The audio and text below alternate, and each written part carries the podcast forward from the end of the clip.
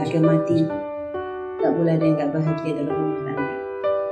Karena ketidakbahagiaan dalam rumah tangga akan membuka pintu-pintu kezaliman. Ketika seorang istri, seorang suami tidak merasakan kebahagiaan, ya, ini tentu ada sebab. Sebab mungkin di pasangannya, sebab mungkin di hatinya sendiri. Artinya di dalam rumah tangga ini syariat benar-benar menjaga hak-haknya suami, hak-haknya istri agar tercipta keindahan dan kita punya guru yang luar biasa guru yang subhanallah bisa kita jadikan suri tauladan bagi kita dalam membangun keindahan dalam rumah tangga. Kita bisa belajar dari rumah tangganya Rasulullah dan Sayyidah Khadijah.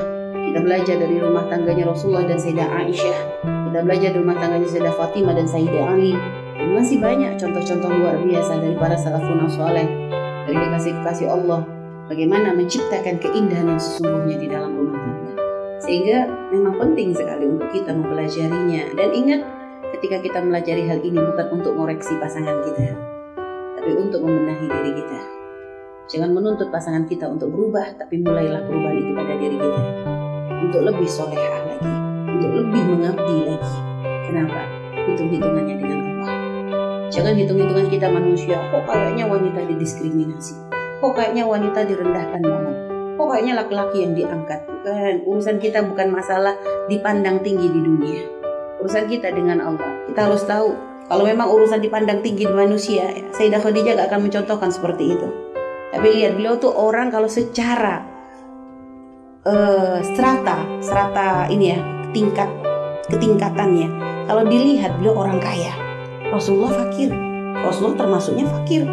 Kalau masalah kehormatan nasab, iya oke, okay, memang sama-sama terhormat. Tapi memang kalau dari segi kekayaan Sayyidah Khadijah jauh di atasnya Nabi. Bahkan bukan di atasnya Nabi, paling kayanya wanita saat itu.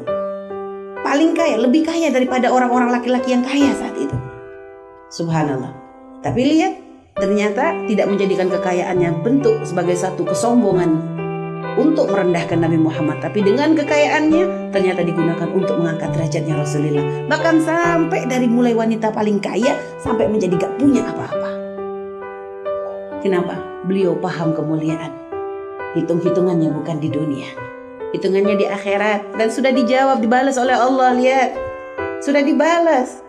Perjuangan beliau, capeknya beliau, susahnya beliau sudah dibalas oleh Allah. Dimuliakan oleh Allah. Mendapatkan salam dari Allah Subhanahu wa taala, disiapkan tempat khusus oleh Allah Subhanahu wa taala di surga untuk beliau sebagai buah penghargaan yang Allah berikan kepada beliau atas jerih payahnya selama ini. Hitung-hitungannya di akhirat.